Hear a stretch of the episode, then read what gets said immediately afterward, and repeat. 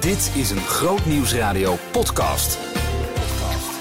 De preek van de week door Ron van der Spoel. In de serie preken over Johannes 15 zijn we inmiddels aangekomen bij de tweede preek. En het gaat vandaag over Johannes 15 vanaf vers 4. Maar ik lees graag nog even met je vanaf vers 1. Waar Jezus zegt, op weg naar Gethsemane, ik ben de ware wijnstok en mijn vader is de wijnbouwer. Iedere rank aan mij die geen vrucht draagt, snijdt hij weg. En iedere rank die wel vrucht draagt, snoeit hij bij, opdat hij meer vruchten draagt. Jullie zijn al rein door alles wat ik tegen jullie gezegd heb. Blijf in mij, dan blijf ik in jullie. Een rank die niet aan de wijnstok blijft, kan uit zichzelf geen vrucht dragen. Zo kunnen jullie geen vrucht dragen als jullie niet in mij blijven. Ik ben de wijnstok, jullie zijn de ranken. En als iemand in mij blijft en ik in hem, zal hij veel vrucht dragen.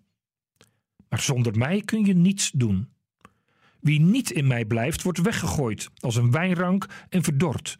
Hij wordt met andere ranken verzameld, in het vuur gegooid en verbrand. Als jullie in mij blijven en mijn woorden in jullie, kun je vragen wat je wilt en het zal gebeuren. De grootheid van mijn vader zal zichtbaar worden wanneer jullie veel vrucht dragen en mijn leerlingen zijn. Als iemand zeven keer aan je vraagt: blijf bij me, blijf bij me, blijf alsjeblieft bij me. Wil je bij me blijven? Zeven keer. Wat betekent dat dan? Nou, ik denk twee dingen. Om te beginnen, dat hij of zij heel veel van je houdt. Anders ga je niet vragen: wil je alsjeblieft bij me blijven? Dat hij heel veel van je geniet. Blijf alsjeblieft, blijf nog even, blijf bij me. Maar het betekent ook, tweede, dat het kennelijk niet vanzelfsprekend is. Dat je bij elkaar blijft, dat je verbonden blijft.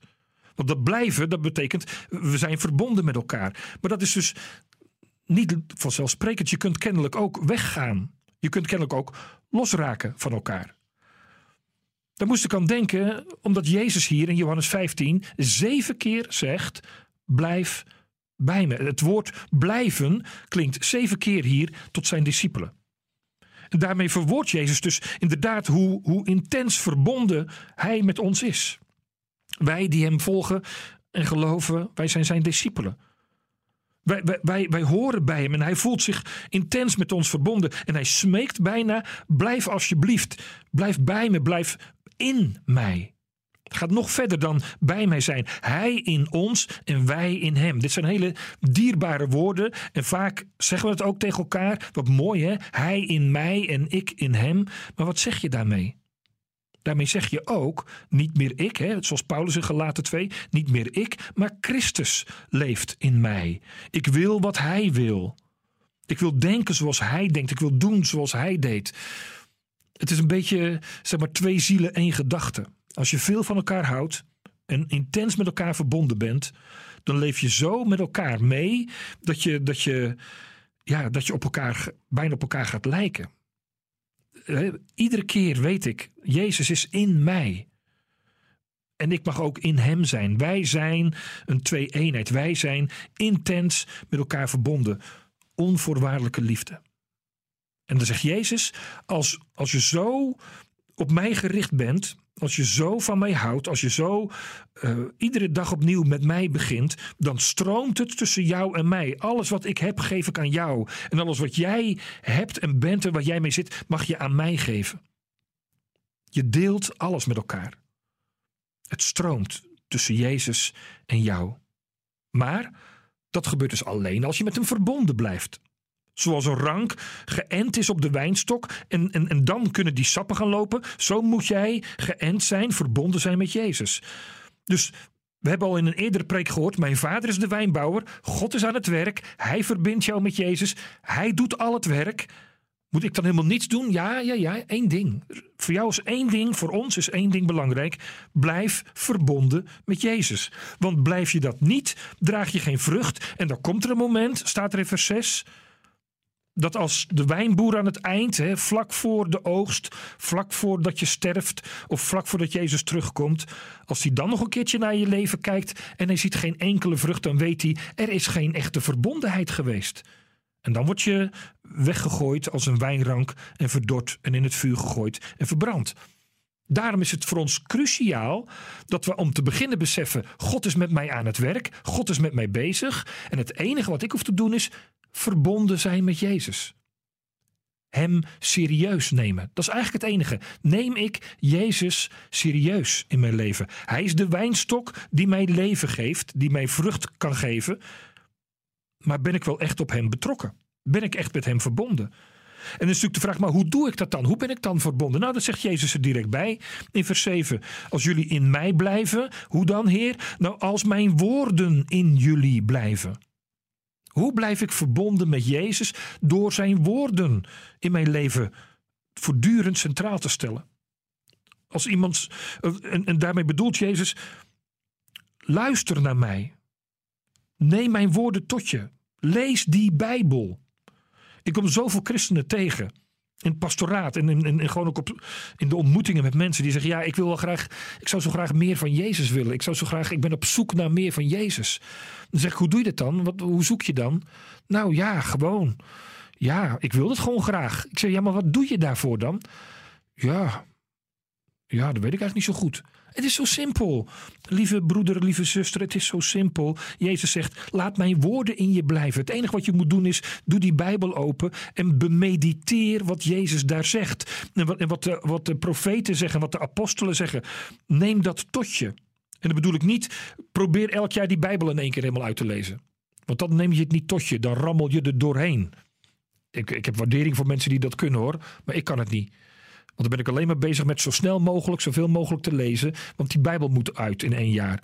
Maar ik denk dat Jezus hier dit bedoelt.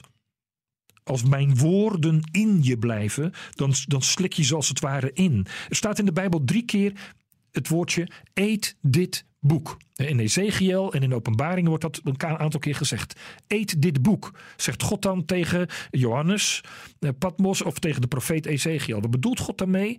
Het boek eet wil zeggen proeven. Proef de woorden. Proef wat ik zeg. Kou erop. Slik het door. Maak het echt iets van jezelf. Nou, dat is mediteren. Daarom, en dat doe je vaak met kleine hapjes. Als je iets proeft, dan, neem je niet een hele grote hap en prop je het naar binnen. Maar dan neem je een klein hapje en dan proef je van hé, hey, wat gebeurt hier? Wat proef ik? Wat, wat, wat, wat valt me op? Wat raakt me? Wat, wat gebeurt er met me? En dat is wat Jezus hier zegt. Je blijft in mij als je proeft welke woorden er over mij en, die eh, geschreven zijn of die ik aan jou doorgeef in de Bijbel. Bemediteer, beproef het, breng het in de praktijk. Het is een beetje als uh, online daten. Dan moet ik eerlijk zeggen, heb ik geen ervaring mee. Maar wel met liefdesbrieven. In mijn tijd waren dat liefdesbrieven. Als, uh, als ik een brief van mijn lief kreeg, hè, van Annette. Ik moet wel eerlijk zeggen dat het een beetje eenrichtingverkeer was. Maar als ik dan een brief van haar kreeg, dan, eh, dan las ik dat niet eventjes diagonaal door en denk, oh leuk, bedankt. Maar dan spelde je ieder woord. En toen we verkering hadden, dan spelde ik ieder woord. Wat bedoelt ze? Wat zegt ze? Oh, en ik, ik kon haar al helemaal erin voelen. Nou, zo is het ook een beetje met online daten. Als je begint met online daten en je begint met elkaar te schrijven of te appen, dan lees je niet even snel, maar dan, dan spel je het woord voor woord. Want wat zal mijn grote liefde zeggen? En wat bedoelt ze? En, en, en, en, en wat voel ik daarbij? Nou, zo mag je de Bijbel lezen. Het is je grote liefde, Jezus, die tot je spreekt. Wat bedoelt hij? Wat zegt hij? En wat kan ik daarmee? Wat betekent dat voor mij? Blijf in mij, zegt Jezus. En hoe doe je dat? Door in mijn woorden te blijven. En dan zegt hij nog één ding erachteraan. Als je mij serieus neemt, want daar gaat het om. En neem je Jezus echt serieus in je leven. Als je mij serieus neemt, in vers 7, als je, mijn woorden blijven dan in jullie en dan kun je vragen wat je wilt en het zal gebeuren. Dan neemt God jou ook serieus. Als jij mijn woorden serieus neemt, neem ik jouw woorden die je tot mij bidt ook serieus. Wat je vraagt, zal gebeuren. Waar het om gaat is dat Jezus zegt, je leven zal veel vrucht dragen als je mij serieus neemt. Amen. Behoefte aan meer? Grootnieuwsradio.nl slash podcast.